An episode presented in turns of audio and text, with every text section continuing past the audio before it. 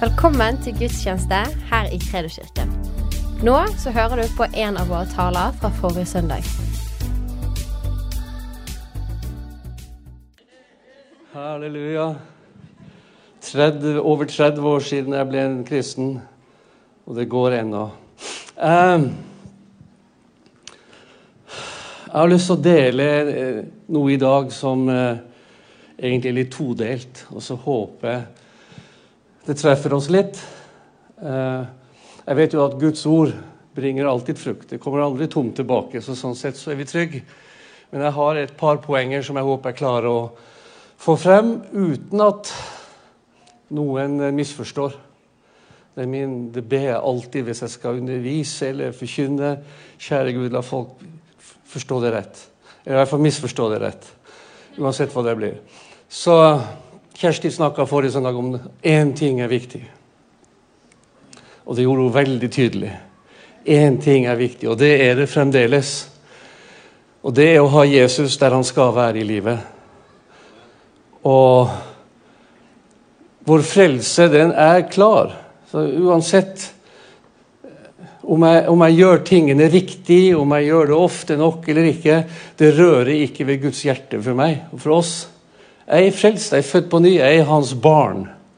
Uansett hvilken fase eller periode jeg er i livet. Og så er det noen sånne derre men. Men.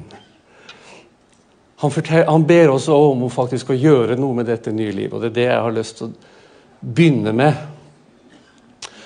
Jeg var et skilsmissebarn. På engelsk høres det litt mer riktig ut. Jeg kommer fra en broken family. Ikke bare sånn skilsmissebarn, så er det veldig fra en broken family. Jeg var en ensom ulv, en streifer susa veldig mye rundt alene. Var en veldig usikker person. Av en eller annen grunn. Jeg aner ikke hva som skjedde. Eh, men jeg var en veldig usikker liten gutt. Eh, veldig lavt selvbilde, dårlig selvfølelse.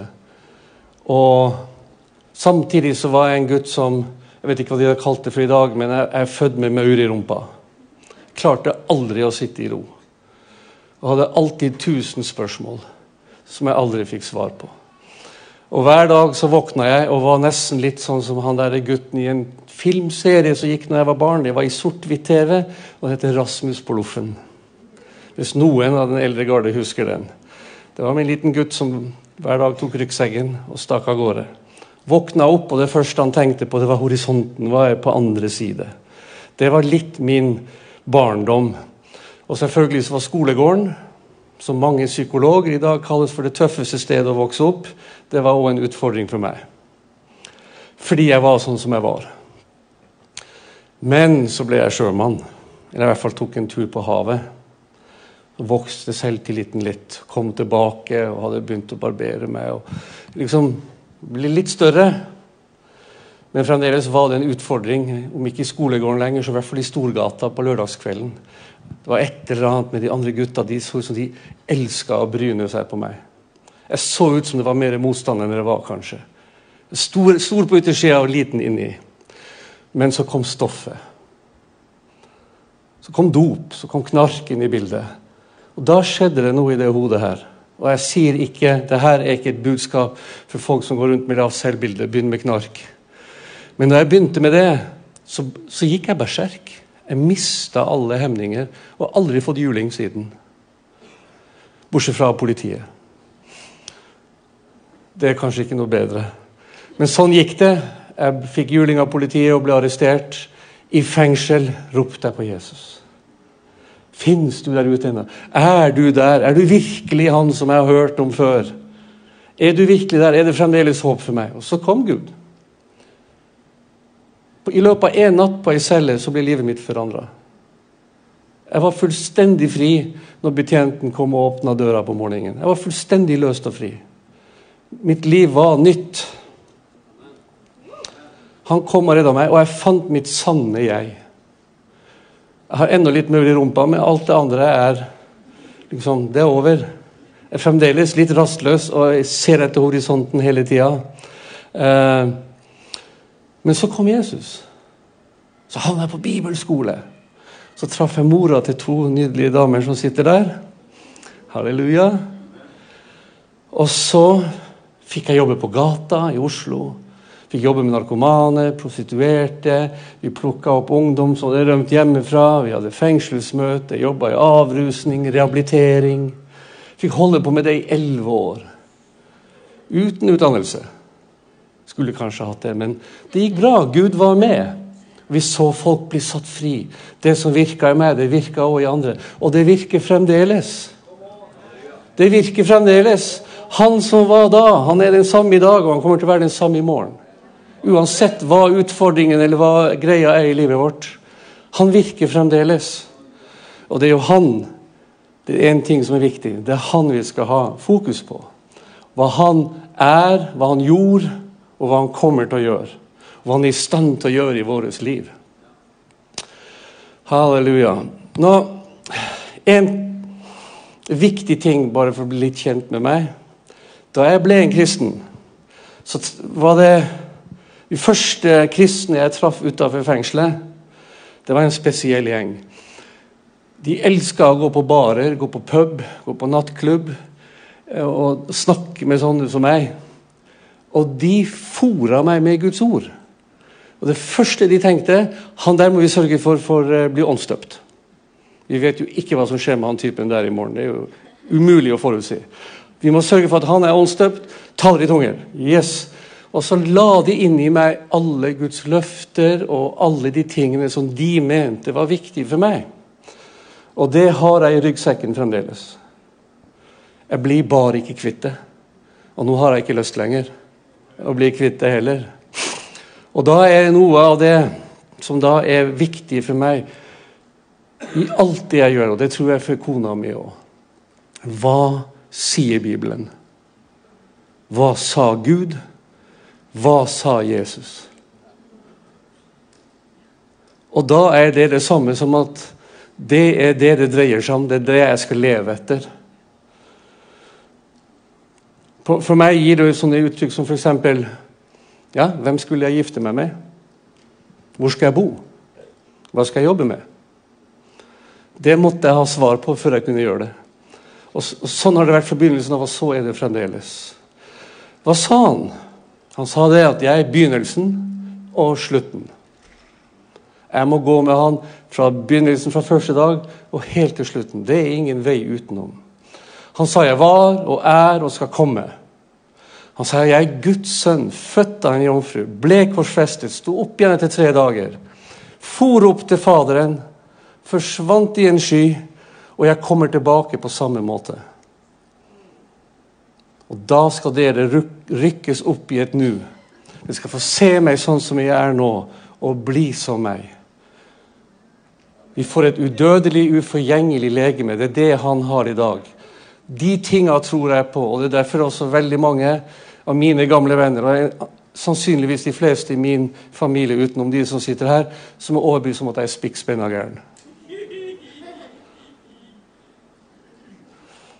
Men det er sannheten. Hele Guds ord er sannhet. Alt. Ja, ja, men uh, skyer og Jesus og uh, Folk snakka om i, hvert fall 20 år. Det har ikke skjedd ennå. Nei, men det har blitt snakk om i 2000 år. Alt det her har vi hørt om i 2000 år. Og jeg avskriver ingenting av det. Så det er litt meg sånn på bunnen. At, at Jesus har lovt at når alt er klart, så skal jeg komme hen til dere. Slik at dere alltid kan være sammen med meg, Faderen. Halleluja. Så det ligger i bånn. Og så har jeg hatt mange andre fokusområder opp igjennom. Jeg var en gang så opptatt av narkomane og gata og greier at jeg hadde venner som kom til meg og sa Erik, jeg blir sliten av å høre på deg om gatearbeid. Så det er folk som har blitt slitne av å høre av meg om misjon. Og så er det folk som har blitt slitne av å høre om endetiden. Eh, jeg går ikke rundt og er så opptatt av døden, bare sånn dere er klar over det. Men jeg har et poeng med det her etter hvert. Frelse. Jeg ble saved to the bone altså, når Jesus fikk lov å slippe inn. Frelst langt inn i margen. Og der er det enda. Halleluja. Etter over 30 år Og uansett hvor mye jeg har snubla, og hvor mye rart jeg har gjort og sagt, så er jeg frelst ennå. Det er fantastisk. En far som aldri slipper meg, aldri forlater meg. Mens så har jeg litt sånne menn innimellom. Frelse er mer enn tilgivelse. Det er mer, det er mer om forandring og fornyelse. Om å bli mer og mer lik han. Jeg, skulle, jeg trengte ikke bare å bli satt fri fra knark og mindreverdighetskompleks og sånne ting. Jeg trengte å få et helt nytt liv. Og jeg trengte at det forandra seg. Tenk hvis det hadde vært i dag ennå sånn som jeg var i 1981. Det hadde vært litt rart. Det er fornyelse hele tiden. Stadig fornyelse. Stadig omvendelse til noe bedre. Og jeg går ikke rundt og er veldig syndebevisst. Det som ligger i bånn her, det er at jeg er bevisst at jeg er en sønn. Og jeg har fått et forbilde. Og jeg, hele, jeg vil hele tida prøve å strekke meg etter det. Og jeg har skjønt det for lenge siden, at lydighet Jeg skulle jo ønske at jeg kunne si at jeg alltid bare har hatt lydige barn. Men de er stort sett lydige. Men lydighet er, tror jeg er viktig i gudslivet. Hva sa Gud? Sier han noe fremdeles? For meg så er det utrolig viktig å, å, å tro at Gud faktisk fremdeles snakker, og ikke bare i det skrevne ordet fremdeles. Han sier ting til oss. Og hadde ikke vi vært i stand til å nullstille oss iblant, sånn at vi kunne høre hva Gud via Den hellige ånd sier, så hadde ikke vi vært her i dag. Litt over et år før korona sitter jeg og grunner og mediterer hjemme på Guds ord. Så hører jeg en setning. En, en, en setning som vekter meg på en måte. Det kom som en slags formaning på et vis. Og Den kom på engelsk. På den tiden så tenkte jeg engelsk, drømte engelsk, snakka engelsk, skrev engelsk. Alt var engelsk så kom det en setning There is a shift. Sånn Wow, hva er det? Og Kjersti og jeg vi begynte å be over det, og hun har hørt mye rart fra meg. og så var hun ikke helt sikker på til å begynne med hva er det her. Men eh, så ba vi over det. Snakka med noen mentorer og noen pastorer. Og ja, jo, jo, jo, shift. Mm. Så sa Erik. og så De oppmuntra meg i hvert fall at det var helt sikkert Gud. Ba noen uker til, og så plutselig en dag så kom det et ord. Ikke en setning, et ord. Som en advarsel. Move. Ja vel. Moves. Gud, hva prøver du å si? Move. Og Jeg måtte be over det i flere dager, for plutselig en dag så ramla mynten ned. Du skal flytte. Det er også move. Du skal flytte, og dere skal hjem. Wow. Jeg trivdes så godt i Asia. Fryktelig godt. Kona, spesielt Kjersti, var som en blomst i et drivhus. Hun ville absolutt ikke hjem, men så skjønte vi at det var Gud. Så drar vi hjem. Jeg fikk noen andre ord om ting og talt. Nå har jeg delt til noen, men det skal vi ikke ta nå. Eh, så kom vi hjem. Så gikk det bare noen måneder, så var det ene problemet etter det andre lina opp foran meg som jeg aldri kunne ha håndtert fra Asia. Og så kom lockdown. Så det er noe med det å være villig til å høre og lyde Gud. Være villig til å høre hva Gud sier. Det er ikke for ingenting at den første menighet måtte vente i det upper room til Den hellige ånd kom og fylte dem. Vi kan ikke leve ut et lydig kristenliv uten Den hellige ånd. Amen. Så jeg har ikke hatt et problemfritt liv siden eh, jeg ble en kristen. Men det har faktisk Jesus aldri lovd oss. Det han har lovt, det er at han skal være med meg gjennom alle mine problemer. Går jeg rundt og venter på en del ting? Er det en del bønnesvar, eller bønner som jeg ikke har fått svar på? Ja. Er det en del profetiord som jeg ikke har fått svar på? Ja. Har jeg en del behov som jeg ikke har fått svar på? Ja. Har jeg vært sjuk noen gang? Ja. Veldig sjuk noen gang? Ja. Har jeg blitt ydmyka, håna, spotta noen gang? Ja! Men halleluja. Halleluja, her står vi. Her er vi. Gud er den samme, han er god. Han får oss gjennom. Vi har aldri blitt lovt et liv uten utfordringer, uten problemer. Rett og, slett, rett og slett så har jeg personlig skjønt at livet er ikke for pyser. Derfor så ga Gud meg, han sendte Den hellige ånd og så sa han, 'Now, man up'. Det er det som har gjort at jeg har blitt sånn som jeg ble etter hvert. Så Kjersti og jeg vi har skjønt én ting. At i gode og onde dager så følger vi Jesus uansett. I gode og onde dager. Vi er jo trolovet med Kristus. Vi følger han uansett hva som skjer. Vi tilhører ikke lenger oss sjøl. Kampen min har stadig vekk For jeg har ganske mange tanker og ideer. Noen som kjenner meg, vet det. Men min utfordring hele tida er å sørge for at min vilje, mitt hjerte, er i harmoni med hans vilje og hans hjerte. Så kan det være at jeg har veldig mange gode ideer, og mange gode tanker og gode ønsker om ting. Men min kamp har hele tiden vært det Gud, hva sier du om det? Hva, hva, hva er det du vil? Hvorfor Bergen, Herre? Hvorfor ikke Hawaii? Jo, for Bergen kommer til å bli en byforvekkelse i Norge. Det er den byen i Norge med best kirkevær.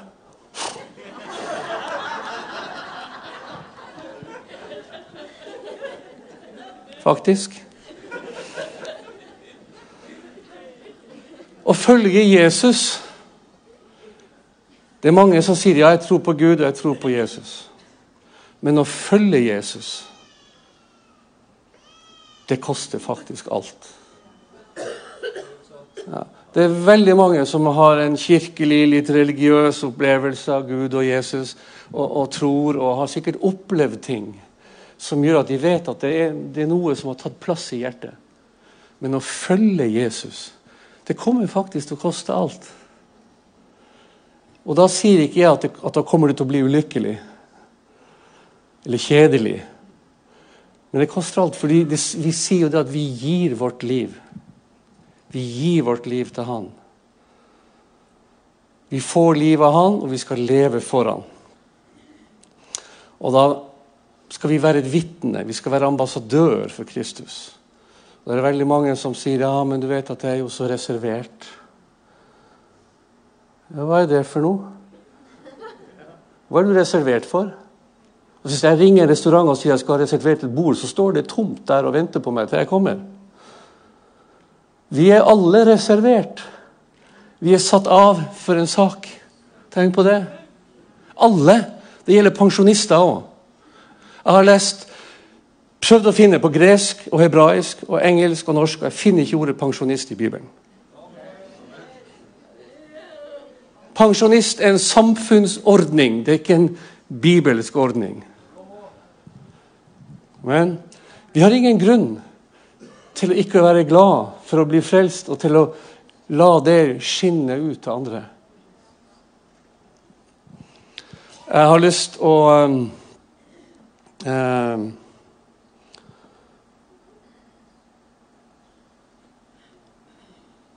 Å ta det der med å være reservert. Jeg skal gjøre det på en kort måte. Tar jeg dagens bokreklame, blir Tanja glad? Jeg har en bok som jeg fikk lånet i sommer. Vi har lest så mye. Og det har vært så mye på stranda blant annet, at jeg tror vi må betale for den. Den heter 'Avokadoeffekten'. Um, der sier forfatteren litt om det å være reservert. Det er anbefalt lesning. Det er en veldig lettlest bok med humor, men veldig dyp samtidig. Den første kristne boka jeg har sett hvor det står 'uten forord' av Øystein Gjerme. Så står det han Thomas Netland, som har skrevet boka, sier han kommer fra Sandnes, gift med Karoline. Sammen har de ingen barn, ingen dyr og ingen penger. Det er litt humoristisk. Men så sier han òg Den hellige ånd kan gjøre på et øyeblikk det du kan bruke et helt liv på å prøve å få til selv. La Han få puste på deg, elske deg, forvandle deg. For å være entusiastisk er å være fylt av Ham som fyller alt i alle. Så vi begynner å nærme oss punkt to her. Vår frelse er altså mer enn bare mirakler her og nå. Det er mer enn å bli født på ny og satt fri fra et eller annet som må bli satt fri fra. Men det er også noe som lever, som varer for evig, går like inn i evigheten. Det har med hele vår framtid å gjøre. Og gjør vi det riktig, så har det med mange andre sin framtid å gjøre òg. Hvis de får høre Guds ord fra deg, hvis de får høre ditt vitnesbyrd. Så frelsen er altså ikke bare her og nå. Det er noe mer. Jeg husker da jeg var, bodde i Oslo og var helt nyfrelst og gikk rundt gatelangs rundt omkring og tråla. Jeg er fremdeles en liten ulv. Så etter et bytte som kan bli frelst. Så så jeg noe sånne sprayer på en vegg. Så står det det må da for Guds skyld finnes et liv før døden. Det er et rop. Hvem er det som skal svare folk på det? Vi må være ute på gater og streder. Vi må være tilgjengelig på kjøpesenter eller hvor det er. Det er også en del av frelsen. Med frelsen så kom det et oppdrag. Nå har jeg kjøpt deg og betalt deg med mitt blod. Du er min sønn. Nå skal jeg gi deg et helt nytt liv, for det forrige livet ditt har du allerede innrømt det var ikke noe særlig å skryte av. Så du får et helt nytt liv. Og her er sånn du skal gjøre det. Og jeg var naiv nok til å gjøre det med en gang jeg kom ut av fengsel. Første dagen mens jeg ennå sto med plastposene mine i hånda, så ble noen frelst. Og de hørte mitt vitnesbyrd. Fantastisk. Det var min førstefødte. Er det noen som husker sin førstefødte?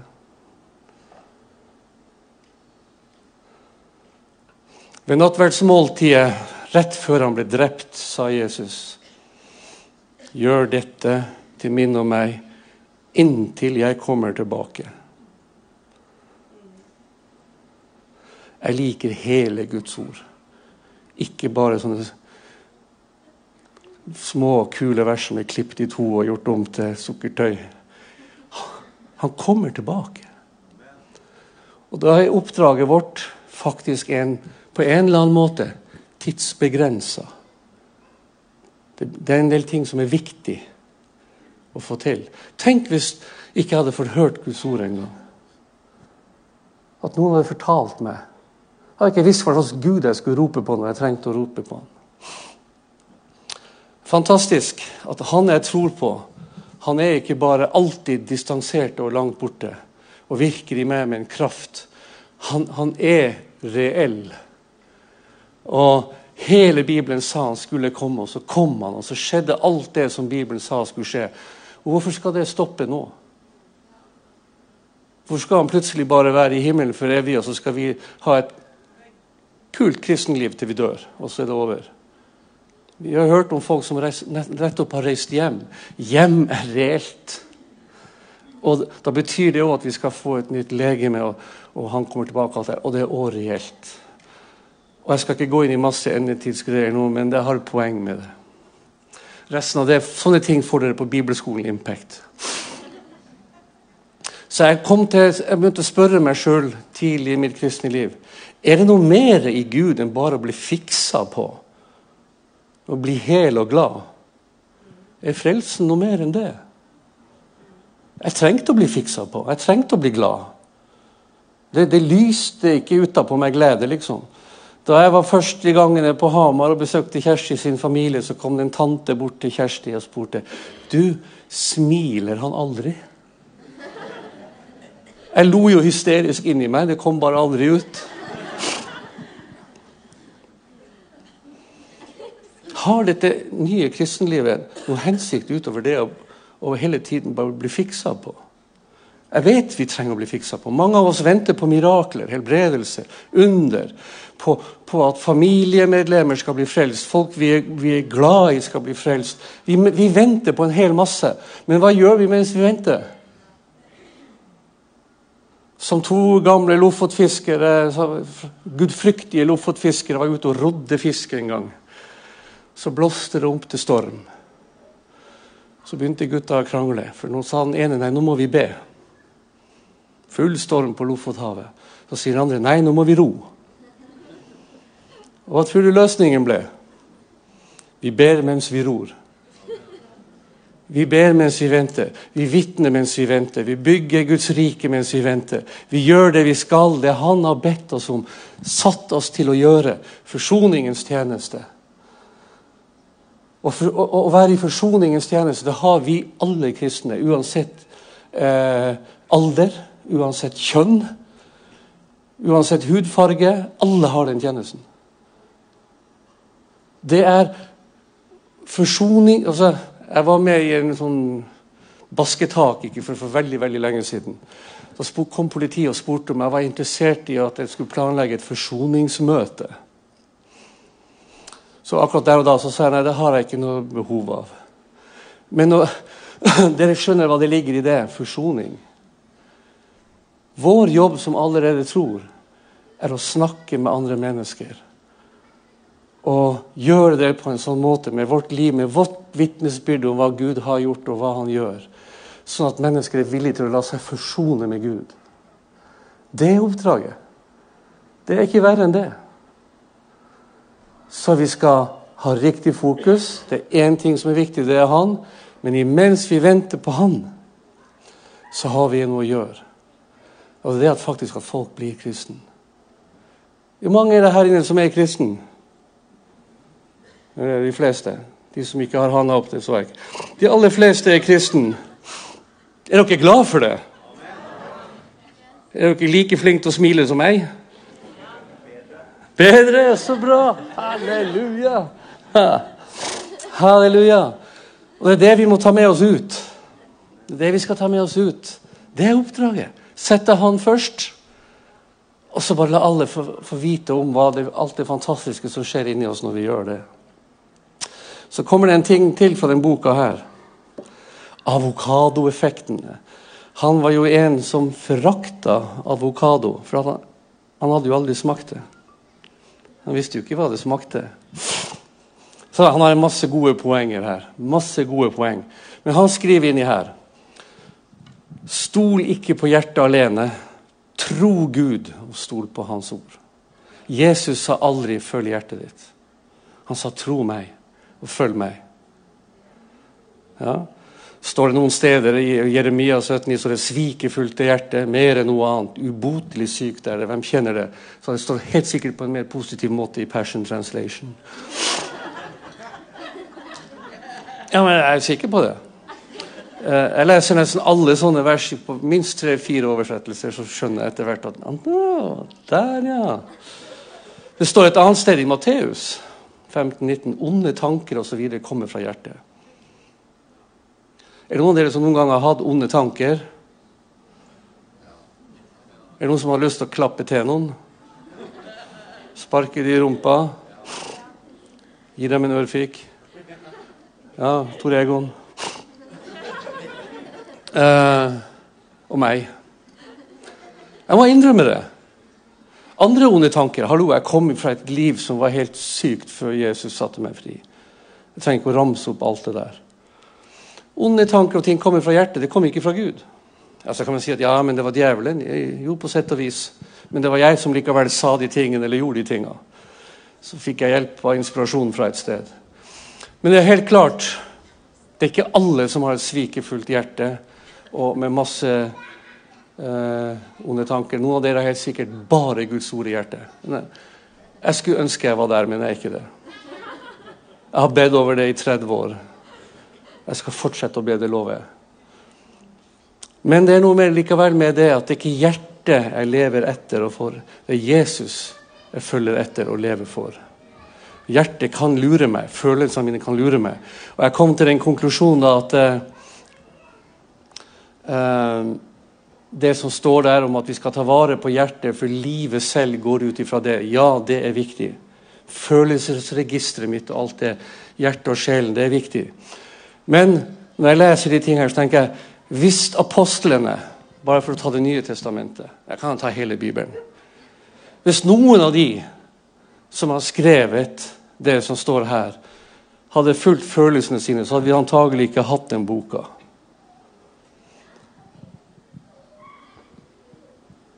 Jeg er sikker på Det er bare å spørre martyrene. Det var nok veldig ofte at ting ikke gikk helt som de følte. De skjønte først etter at Jesus hadde reist hjem på Kristi himmelfartsdag og etter pinsedagen, så begynte de virkelig å skjønne en del ting. De skjønte at de kan ikke leve på følelser, de kan ikke bare følge kultur. De kan ikke leve og være sånn som eh, politikere og mange journalister skriver at de skal være. De måtte følge Guds ord. Det var en pris å betale for det.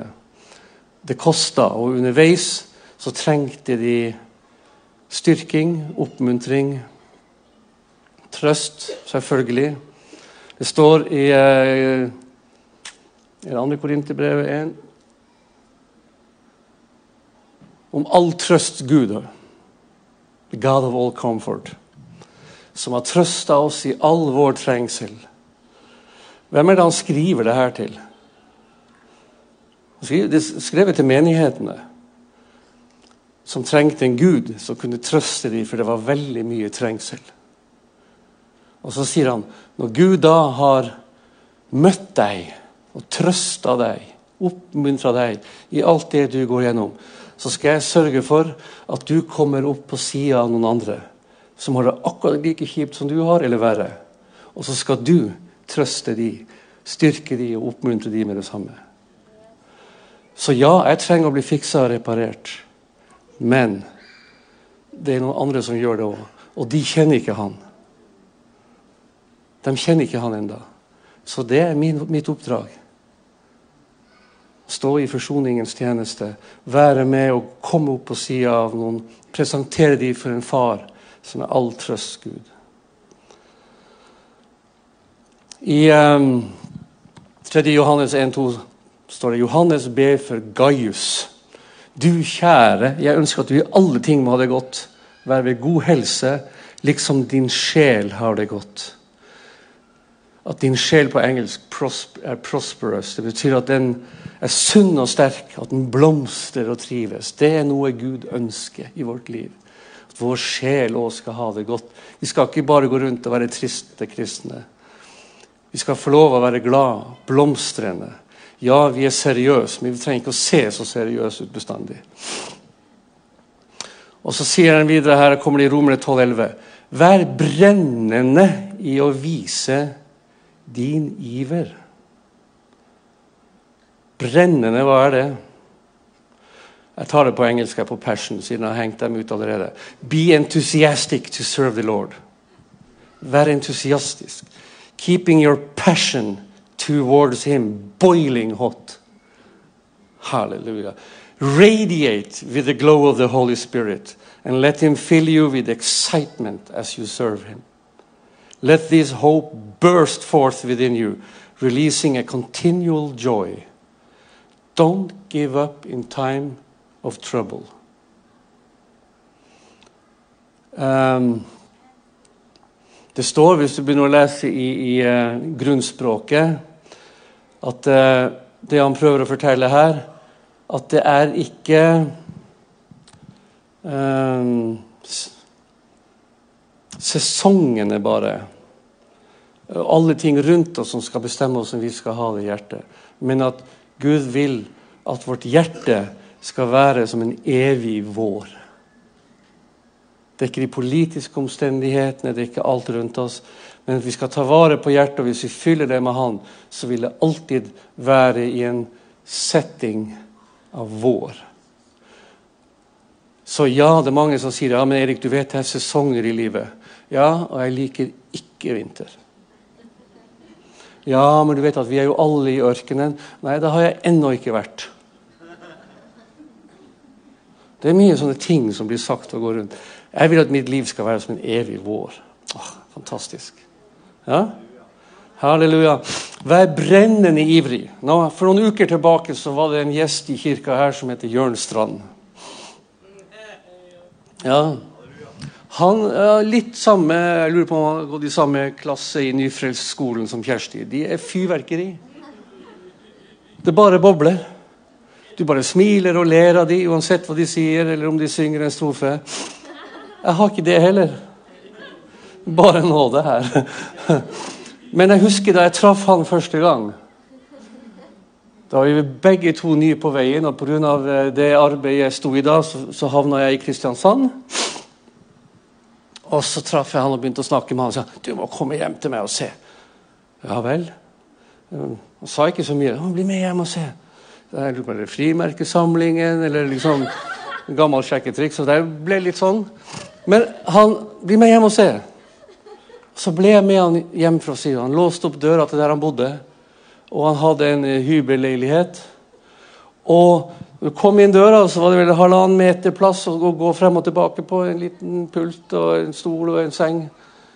Og så var hele leiligheten full av forsterkere og høyttalere. Så begynte han å dele visjonen sin. Han har ennå ikke begynt med det. Han skulle kjøpe en buss. Han skulle reise Norge rundt med Himmelekspressen. Og han skulle forkynne evangeliet og sette fanger fri. Er det noen som tror han fremdeles har den samme visjonen? Den har faktisk blitt større. Er han like gira? Ja, det tror jeg han er like gira. Da er spørsmålet vi må stille oss Hva var det Gud la ned i hjertet vårt når vi ble frelst? Hvilke drømmer var det som kom der i starten? Hvilken visjon vil noen kalle det for? Hva var det du levende visualiserte når du var ny på veien? Som du trodde Gud ville du skulle gjøre? Hvis du ikke er der ennå, så tørk støv av det. Hvis du har lagt det på hylla for at noen har snakka deg ned, eller sagt at det går ikke, tørk støv av det. Vekk det til liv igjen. Legg det frem for Gud. Be. Tror Gud gir ikke drømmer og visjoner og, og et kall for at det skal ligge i en skuff. Men vi har en fiende som kommer for å stjele, drepe, og plyndre og ødelegge. Og alt det som er av Gud, er det han vil prøve å ødelegge i livet ditt. Ta det fram igjen. Bruk Jørn som et eksempel, gjerne. Han har sikkert ingenting imot det. Så hva, hva, er det Hva er det som ligger der? Gud har noe i alle oss. Alle vi har et Guds fingeravtrykk i livet vårt. Det kan være lite, det kan være stort, det kan være mye. Jeg kommer ikke til å reise rundt med Himmelekspressen og kjøpe Norges største telt. Jeg er ikke sånn evangelist, men det er et andre ting som ligger i mitt liv. Mye har jeg fått lov å begynne på, og noe går jeg og venter på enda. Men mens jeg venter, så har jeg andre ting jeg kan gjøre. Ja? Så har jeg andre ting jeg kan gjøre. Jeg ror mens jeg ber. Eller andre veien. Så vi har fått den oppgaven. Og vi har et vitnesbyrd. Et frelseshistorie. Hvis noen av dere er kristne uten å ha en frelseshistorie, så vil jeg gjerne ta en prat med dere etterpå. Så skal vi finne den historien. Det er vitnesbyrdet om hva Jesus har gjort og gjør. Når du begynner å dele det med mennesker, så skjer det noe her inne som på en eller annen måte kommer til å skinne ut av øya på deg, kommer ut av munnen din. Så vil du oppdage at noe av det som Bibelen snakker om med, med gaver, begynner å fungere. Du skjønner at Kunnskapsord og sånn andre typer profetiens gaver det fungerer ikke når man bare sitter foran YouTube-kirka i sofaen.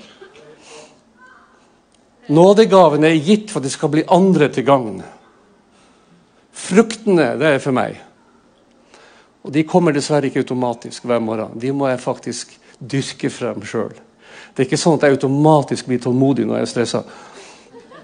Men det er sånn at når, jeg, når, du møter folk som har et behov som Gud vil møte, så er det noe som faktisk klikker inn. Det er en gave i funksjon. Men du må ta et steg i tro. Og det er det vi skal gjøre mens vi venter på alt det andre. Uansett hva det er vi venter på. Halleluja. Og det kan skje på mange måter Alarmen har ikke gått ennå, men den går snart. Um,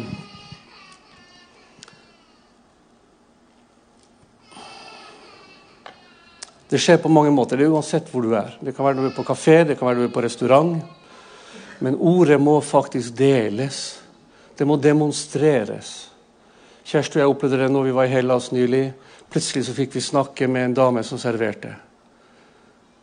Og i en hektisk hverdag og så innrømmer hun det at vet du, jeg var vokst opp sånn som det. Og så opplevde jeg religiøsitet. Eller i hvert fall så var det min unnskyldning, sa hun. Jeg var tenåring, ble rebelsk.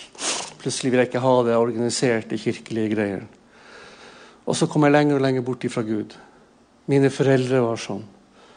Nå eier vi hele denne svære resorten. Men så så du i øya på det er ikke bra lenger. Mamma er gammel. Pappa er blitt dement. Jeg er blitt skilt. Så fikk vi lov å vitne til henne. Jeg så hun fikk gåsehud på armene, og det var 28 grader ute. Ti minutter etterpå så hadde søstera hørt om det. Så det er så enkelt. Det var ikke planlagt engang. Jeg bare kjente jeg skulle plutselig begynne å prate med henne mens hun sto og tok bestilling.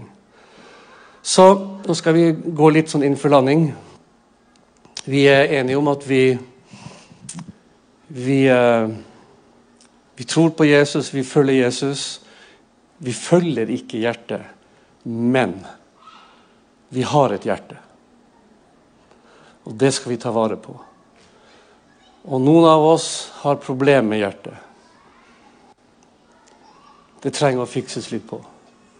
Det kan være ting har gått i stykker. Det kan være eh, Nå tenker ikke jeg på å legge inn stent og sånne ting. Nå tenker jeg på et annet hjerte. Eh, det kan være at du har vært deprimert, mismodig. Eh, kanskje du har båret på nag.